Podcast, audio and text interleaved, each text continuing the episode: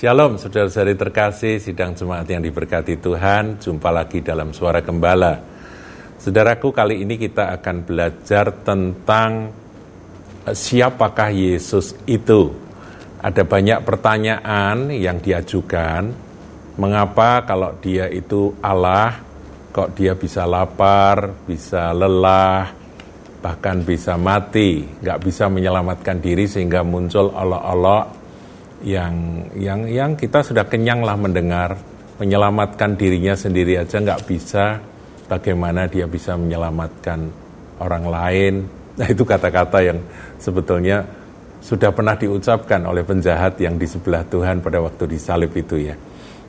Uh, dan prajurit-prajurit yang yang menonton ketika dia dalam keadaan tidak berdaya dipaku di kayu salib itu tergantung di kayu salib Nah, saudara, kita harus memahami tentang ketuhanan Yesus Kristus.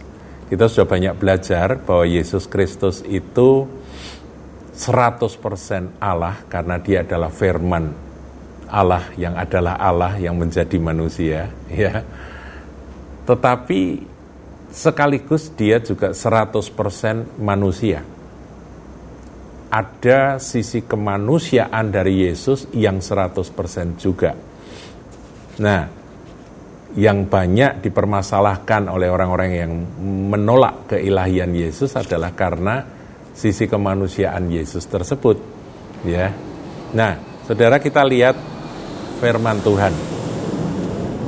Surat Filipi pasal yang kedua ayatnya yang ke 6 dan 7. Rasul Paulus menjelaskan tentang Yesus Kristus yang di, sini dikatakan mengosongkan dirinya ya di situ ada kata kenos. Nah, saya akan bacakan ayat 6 yang walaupun dalam rupa Allah tidak menganggap kesetaraan dengan Allah itu sebagai milik yang harus dipertahankan. Meskipun dia bisa mempertahankan kealahannya, tetapi tidak demikian dengan Tuhan Yesus. Ayat yang ketujuh, melainkan telah mengosongkan dirinya sendiri, jadi Tuhan Yesus itu merelakan gitu ya, merelakan kealahannya dan mengambil rupa seorang hamba dan menjadi sama dengan manusia. Jadi Yesus itu adalah firman Allah yang adalah Allah. Dia ketika dia mengambil rupa seorang manusia, dia dikatakan di sini dia mengosongkan dirinya. Tetapi saudara kita perlu memahami ya akan ayat ini dengan jernih. Mengosongkan dirinya itu bukan berarti dia kehilangan kealahannya. Ketika dia menjadi manusia, dia tetap Allah. Cuma dia untuk bisa menjadi manusia, dia harus merelakan kealahannya. Jadi, eh, bukan berarti Yesus itu bukan Allah ketika dia ada di atas muka bumi. Nah, ini ini dijelaskan saudaraku di dalam ya ini kodrat ganda ya, kodrat ganda Tuhan Yesus itu dijelaskan di dalam uh, nubuatan tentang kelahiran Sang Mesias. Di dalam Yesaya 9, saudaraku ya, ayat yang kelima. Ini ayat hari Natal, saudara ya. Sebab seorang anak telah lahir untuk kita, seorang putra telah diberikan untuk kita. Jadi ini anak putra ini kan manusia, saudara. Lahir itu kan manusia. Dan Yesus benar-benar lahir kan? Lahir dari eh, rahim dari Bunda Maria. Iya betul saudaraku. Jadi manusia karena dia dikatakan anak, bayi. Bayi yang lahir ini hari Natal yang kita peringati ya setiap setiap akhir tahun. Nah, kemudian lambang pemerintahan ada di atas bahunya. Nah, ini mulai menjelaskan tentang siapakah bayi itu. Dan namanya disebutkan orang penasehat. Dia adalah penasehat. Nah, kalau cuma penasehat mungkin masih ada manusia biasa yang menjadi penasehat ya. Tapi kemudian kalimat yang berikut adalah ajaib. Namanya disebut ajaib. Kata ajaib itu di dalam bahasa Ibrani adalah pele. Nah, Pele inilah eh, kata yang muncul eh, beberapa kali ya di, di, di Perjanjian Lama dan di dalam kitab Hakim-Hakim. Ketika Manoah itu berjumpa dengan malaikat Tuhan atau malak Yahweh, berjumpa dan dia berkata begini karena dia gentar sekali ya karena itu adalah Tuhan yang datang ya. Saudara tahu ya malaikat Tuhan itu adalah penampakan Yesus Kristus di perjanjian lama. Ayat 17 dari Hakim-Hakim 13 ya, kita sedikit mendalam. Kemudian berkatalah Manoah kepada malaikat Tuhan itu, siapakah namamu? Sebab apabila terjadi yang kau katakan itu, maka kami hendak memuliakan engkau. Kalau ini malaikat biasa, dia tidak mau dimuliakan, saudaraku. Tapi karena ini adalah Allah, malaikat Tuhan itu adalah eh, penampakan dari putra Allah di perjanjian lama yaitu Yesus Kristus Tuhan ya maka tidak dibantah saudaraku cuma jawabnya begini tetapi malaikat Tuhan itu tetapi jawab malaikat Tuhan itu kepadanya mengapa engkau juga menanyakan namaku bukankah nama itu ajaib nah saudaraku kata ajaib ini pilih sama akar katanya dengan tadi di dalam uh, Yesaya 9 ayat yang ke-5. Namanya ajaib. Nah, ketika nubuatan itu disampaikan oleh Nabi Yesaya, seorang anak telah lahir untuk kita, seorang putra telah diberikan untuk kita. Kemudian lambang pemerintahan dari atas bahunya dan sebagainya. Namanya disebut penasehat, ya poin pertama. Kemudian ajaib, pilih. Dia ajaib dan kata ajaib ini memang satu predikat yang melekat hanya kepada Tuhan saja, kepada Allah. Kemudian dilanjutkan dengan Allah yang perkasa namanya, yaitu El Gibor. Jadi bayi itu manusia, tetapi dia adalah El Gibor, dia adalah Allah yang perkasa. Kemudian Bapa yang kekal, Ya, kalau bapak-bapak di dunia ini kan tidak kekal, tapi bapak yang kekal itu sumber segala segala kehidupan itu siapa? Ya Tuhan sendiri, Allah sendiri ya. Raja damai ya, Prince of Peace. Jadi, Saudara, predikat-predikat yang dituliskan di dalam nubuatan Yesaya 9 ayat 5 ini, ini menunjukkan dua akan kodrat dari Tuhan kita Yesus Kristus dia manusia 100%, dia Allah 100%. Nah, saudara, mengosongkan dirinya itu berarti, bukan berarti, ya maaf, bukan berarti dia kehilangan kealahannya, tetapi dia merelakan akan sisi kealahannya supaya dia bisa mengambil akan rupa manusia. Bahkan bukan hanya manusia, hamba. Ini yang luar biasa. Sifat Allah itu tidak bisa berubah, Saudara. Ya, sekali dia Allah, dia tetap Allah, ya kan? Nah, kealahan dari Yesus Kristus itu ketika dia jadi manusia. Jadi manusia itu tetap ada, tetapi dia harus mengosongkan akan sisi kealahannya ketika dia mengambil rupa manusia. Dia yang maha dahsyat, yang maha kuasa menjadi terbatas dari sisi kemanusiaan. Nah, ketika Tuhan muncul dan mulai melayani, kalau kita baca Injil secara teliti, kita jumpai banyak kali sisi kemanusiaan Tuhan itu ditulis, dicatat, diceritakan saudara dalam Injil. Tetapi bukan berarti sisi kealahannya tidak pernah diceritakan. Wah ada banyak kali saudara sisi kealahan Tuhan Yesus itu dinyatakan. Kita lihat misalnya uh, ketika heboh murid-muridnya uh, dituduh ya ini kita lihat aja dalam Matius 12 ya. Matius 12 ini bagus saudaraku. Karena orang-orang Yahudi itu kan sangat ketat di dalam memelihara hukum sabat ya.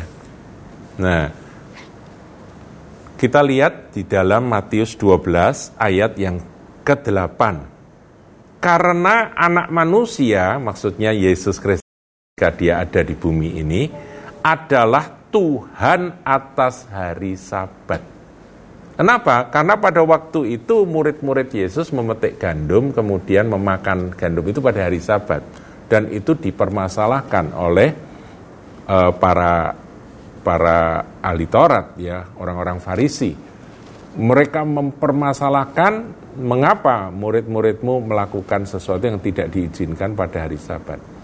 Nah, di sini Tuhan Yesus yang adalah guru manusia, saudara ya, dia akan berjalan bersama murid-murid, dia adalah sosok manusia. Makanya dia menyebut dirinya anak manusia kan yaitu Bar Enas itu yang yang yang ditulis di dalam uh, kitab Daniel itu. Yesus itu sebagai anak manusia dia memang sosok manusia, dia berjalan bersama dengan murid-murid, muridnya melanggar hukum sabat, tiba-tiba Tuhan Yesus menjelaskan dan berkata, dan kalimat yang dia ucapkan, karena anak manusia adalah Tuhan atas hari sabat ini, menunjukkan bahwa dia adalah Allah, saudara yang bikin peraturan sabat siapa? Yang bikin hukum sabat itu siapa? Tuhan kan? Iya Allah kan yang bikin hukum sabat ketika hukum sabat itu diberikan melalui Musa. Dan itu yang di, dipelihara oleh orang-orang Yahudi pada zaman Yesus itu. Ya, tapi dia adalah Tuhan atas hari sabat. Jadi dialah Allah.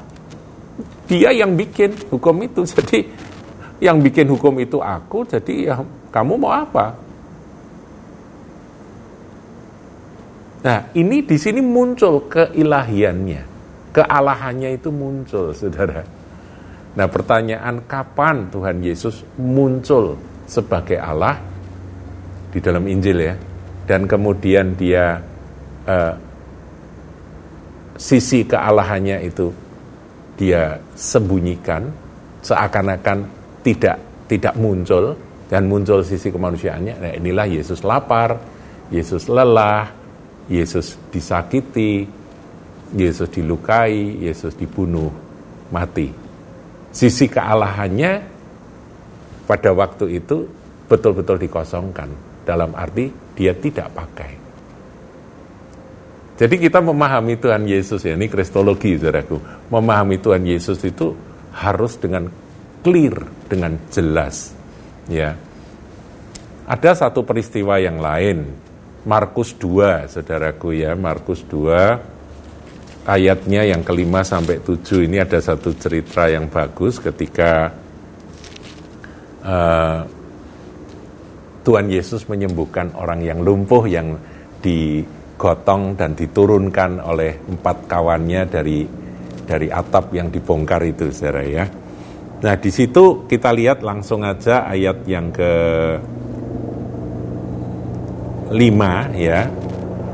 Dari Markus pasal 2. Ketika Yesus melihat iman mereka, jadi ketika Tuhan Yesus melihat iman dari empat temannya itu, berkatalah ia kepada orang lumpuh itu, "Hai anakku, dosamu sudah diampuni." Ayat 6, tetapi di situ ada juga duduk beberapa ahli Taurat. Mereka berpikir dalam hatinya, mengapa orang ini berkata begitu? Ia menghujat Allah. Siapa yang dapat mengampuni dosa selain daripada Allah sendiri? Tetapi Yesus segera mengetahui dalam hatinya bahwa mereka berpikir demikian, Lalu ia berkata kepada mereka, mengapa engkau berpikir begitu dalam hatimu dan seterusnya. Kemudian Tuhan menyembuhkan orang lumpuh tersebut. Nah, saudara, siapa yang dapat mengampuni dosa? Di sini Tuhan Yesus tampil sebagai Allah yang mengampuni dosa dari si lumpuh itu. Dosamu sudah diampuni. Sekarang bangkit dan berjalanlah, angkat tilammu. Dan itu terjadi, saudara. Dia bukan asal ngomong, tapi dia buktikan dengan kuasa berikutnya, yaitu kuasa untuk menyembuhkan si lumpuh itu. Nah, saudaraku, dengan demikian kita tahu ya, kita tahu bahwa Tuhan Yesus itu adalah Allah 100%. Tapi kapan dia muncul? Ya, kapan dia muncul kealahannya, kapan dia menyembunyikan atau menyimpan kealahannya, itu kita harus teliti membaca kitab Injil ini Matius, Markus, Lukas, Yohanes. Kita harus teliti dan kita lihat oh di sini Tuhan Yesus tampil sebagai Allah, sebagai Tuhan yang maha kuasa yang mengatasi hukum hukum alam begitu ya. Oh di sini dia sebagai manusia yang betul-betul manusia seutuhnya 100% human gitu ya 100% human tetapi juga 100% divine. Kapan yang divine atau yang ilahi itu harus kita teliti. Kita nggak bisa katakan ya kalau begini akan muncul kealahannya kalau begitu maka yang tampil kemanusiaannya nggak bisa nggak bisa diteorikan atau di, dibuat dalilnya itu tidak ada saudaraku. Nah dengan demikian kita melihat bahwa keilahian dari Yesus ini kadang muncul kadang tidak. Nah di situlah Yesus itu mengambil rupa manusia supaya ada kelemahan-kelemahan manusia yang berkuasa atas dia. Tapi bukan berarti kealahannya hilang, tidak, tetap melekat pada dia. Sebagai manusia dia mati. Sebagai manusia dia dibunuh ya dalam keadaannya sebagai manusia. Yaitu surat Petrus ya katakan. Tetapi sebagai Allah dia nggak pernah bisa disentuh saudaraku. Karena Allah itu maha kuasa, maha dahsyat, maha segalanya. Nah, sekarang tentang maha tahu, saudaraku ya. Kita lihat, ini ayat yang sering ditanyakan. Matius 24 ayat eh, yang ke-35 dan 36. Langit dan bumi akan berlalu, tetapi perkataanku tidak akan berlalu. Tetapi tentang hari dan saat itu tidak ada seorang pun yang tahu. Malaikat-malaikat di sorga tidak, dan anak pun tidak, hanya Bapa sendiri. Nah, ayat ini sering kali ditafsirkan oleh para penafsir. Nah, itu buktinya bahwa Yesus itu bukan Tuhan. Karena dia tidak maha tahu. Betul ya?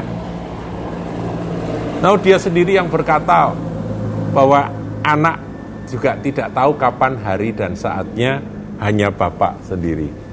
Tetapi kita harus ngerti loh saudaraku, Tuhan Yesus juga berkata uh, di dalam Yohanes 10 ayat 30, aku dan Bapak adalah satu. Jadi apa yang diketahui oleh Bapak juga diketahui oleh Yesus. Nah, dengan demikian kita menafsir atau men, me, apa, me, memahami akan ayat ini bahwa yang tidak tahu itu adalah kemanusiaan Yesus. Anak di situ adalah Yesus sebagai manusia. Dia tidak tahu. Nah, kita lihat sekarang, kita lihat ya. Ketika Yesus sudah bangkit, ini anu apa? Dialog antara Tuhan Yesus dengan uh, Simon Petrus ya. Ini kali yang ketiga kan ditanya Simon anak Yohanes apakah engkau mengasihi aku begitu ya. Nah ini yang ketiga. Ayat 17 dari Yohanes 21, saudaraku. Saya bacakan.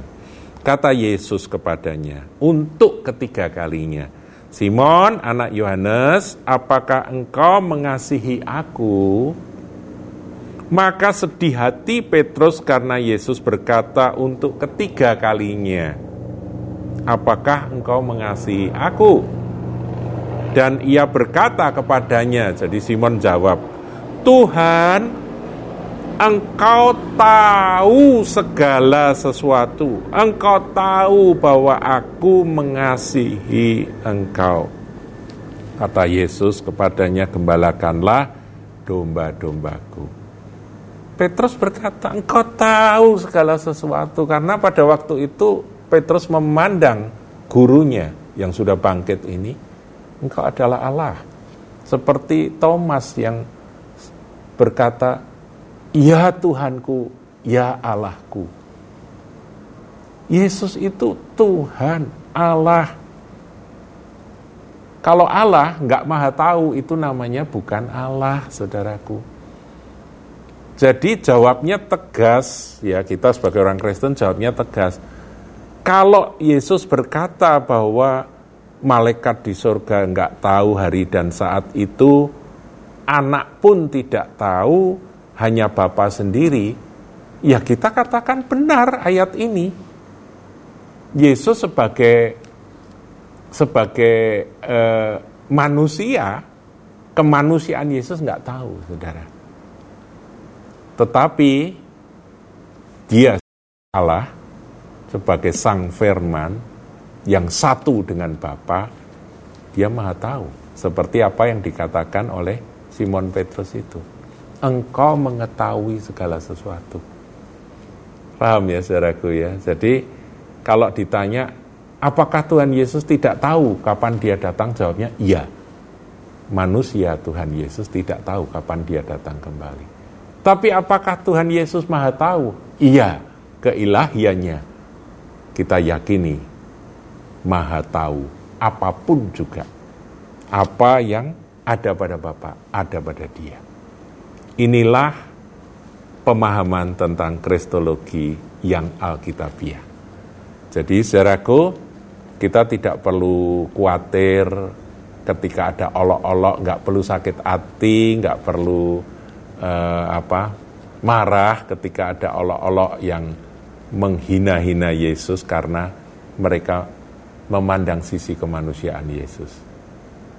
Sejak dulu saudara itu sudah dilakukan dalam Alkitab dikatakan kalau engkau anak Allah selamatkanlah dirimu gitu ya. Ya begitu Tuhan kalau memakai kealahannya pada waktu dia ditangkap di ini apa di Taman Getsemane kan Petrus kan mau membela dengan kekuatan fisiknya ya, mau membuktikan akan loyalitas dan kesetiaannya pada sang guru. Dia cabut pedang, dia mau potong leher dari salah satu hamba. Dia tidak berani lawan prajurit, tapi yang hambanya saja ya, hamba prajurit. Dia mau potong, gemetar kenaknya telinga. Karena dia nggak pernah pegang pedang ya untuk perang ya, untuk apa itu berkelahi. Dia biasanya nangkap ikan ya. Itulah Petrus. Pada waktu itu Tuhan menyembuhkan akan si hamba prajurit yang telinganya putus itu disembuhkan, dia pungut daun telinganya ditempel gitu ya, disembuhkan karena dia tetap maha kuasa saudaraku tapi dia menyerahkan dirinya sukarela karena dia memang mau menggenapi akan uh, tujuan utama akan kedatangannya di atas muka bumi yaitu untuk menjadi korban tebusan bagi umat manusia yang berdosa. Dialah anak domba Allah yang menghapus dosa dunia seperti nubuatan dari Yohanes Pembaptis. Nah, pada waktu itu Tuhan Yesus berkata apa? Simon, apakah kamu kira aku tidak bisa mendatangkan 12 legion malaikat turun dari sorga untuk membinasakan mereka semua. Bisa.